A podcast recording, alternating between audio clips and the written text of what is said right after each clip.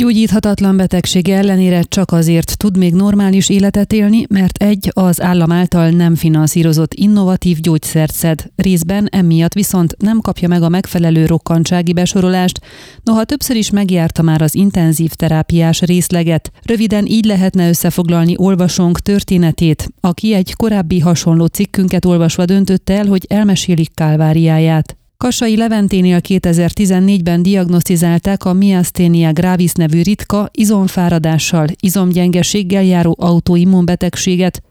Első olvasatra ez talán nem tűnik súlyos betegségnek, pedig az. Az idegekből érkező ingerületet egy a beteg szervezetében termelődő autoantitest miatt nem tudják fogadni az izomsejtek, emiatt nem tudnak megfelelően működni. Ez akár a légzésért felelő izmokat is érintheti. Ez Kassai Leventével többször is előfordult, ami miatt azonnali intenzív terápiás ellátásra szorult. A 49 éves Sepsiszentgyörgyi férfi lapunk egyik hasonló témájú cikkét olvasva határozta el, hogy megosztja velünk történetét. A két történetben több hasonlóság is van, az egyik az, hogy neki is bírósághoz kellett fordulnia azért, hogy megpróbálja megkapni a munkaképtelenség fokát meghatározó megfelelő besorolást. Noha esetében, mint utóbb megtudta, a három fokozatú értékelési skálán a legmagasabb besorolás alkalmazására tett javaslatot a bizottság orvosa, végül mégiscsak a közepes fokozatot hagyták jóvá. Megfellebbezte volna a döntést, ám ekkor derült ki számára, hogy időközben országszerte megszüntették a fellebbviteli orvos szakértői bizottságot,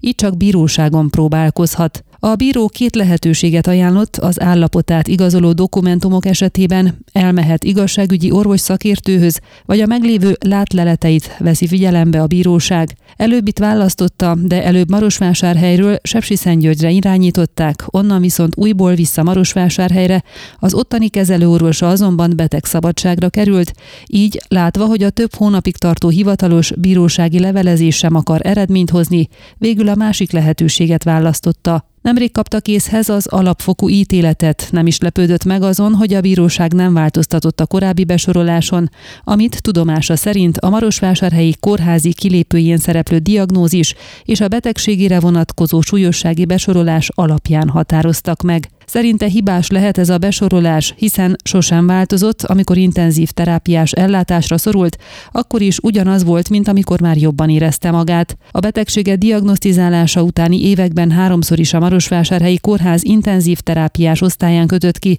mert állapota súlyosbodása miatt már nem tudott lélegezni, később pedig egy melkas műtéten is átesett Bukarestben a betegsége miatt. Állapota akkor kezdett javulni több hónap után, amikor elkezdett szedni egy innovatív gyógyszert, amelyet a szerv átültetésen átesett páciensek szednek, és amiről beigazolódott, hogy az ő betegségére is alkalmazható.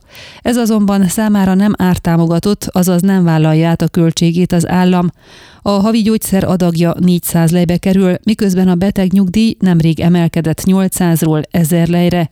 Mivel a gyógyszertől jobban van, azaz nincsenek tünetei, nem kaphatja meg a magasabb rokkantsági besorolást, pedig korábban olyan időszakok is voltak, amikor 20 méter távolságot sem tudott megtenni segítség nélkül, és nyakmerevítőt kellett hordjon, mert a fejét sem tudta tartani. Úgy érzi, hogy az övéhez hasonló problémával gyakorlatilag elvész a beteg a rendszerben, a számtalan intézmény és hatóság között.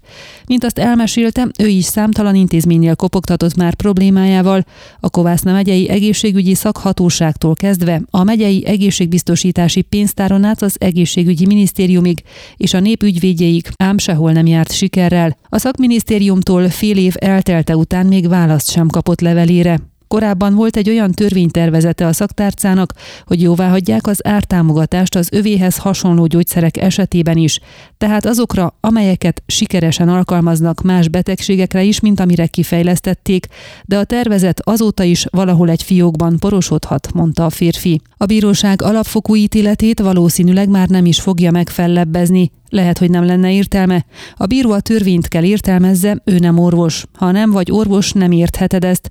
Meglátása szerint már csak annyit tehetne, hogy bírósági úton kéri a legutóbbi 2017-es kórházi kilépőjén szereplő besorolás megalapozottságának a felülvizsgálatát, de ha valami történik vele, hiszen a gyógyszer, amit szed, az immunrendszere legyengítésével fejti ki hatását, így egy egyszerű légúti fertőzés iránti sokkal kiszolgáltatottabb, mint egy egészséges ember, és újra kórházi kezelés menekülésre szorul, hogy fogják ott fogadni, ahol ő vizsgálat elrendelését kezdeményezte, teszi fel a kérdést. Ön a Székelyhon aktuális podcastjét hallgatta. Amennyiben nem akar lemaradni a régió életéről a jövőben sem, akkor iratkozzon fel a csatornára, vagy keresse podcast műsorainkat a székelyhon.pro portálon.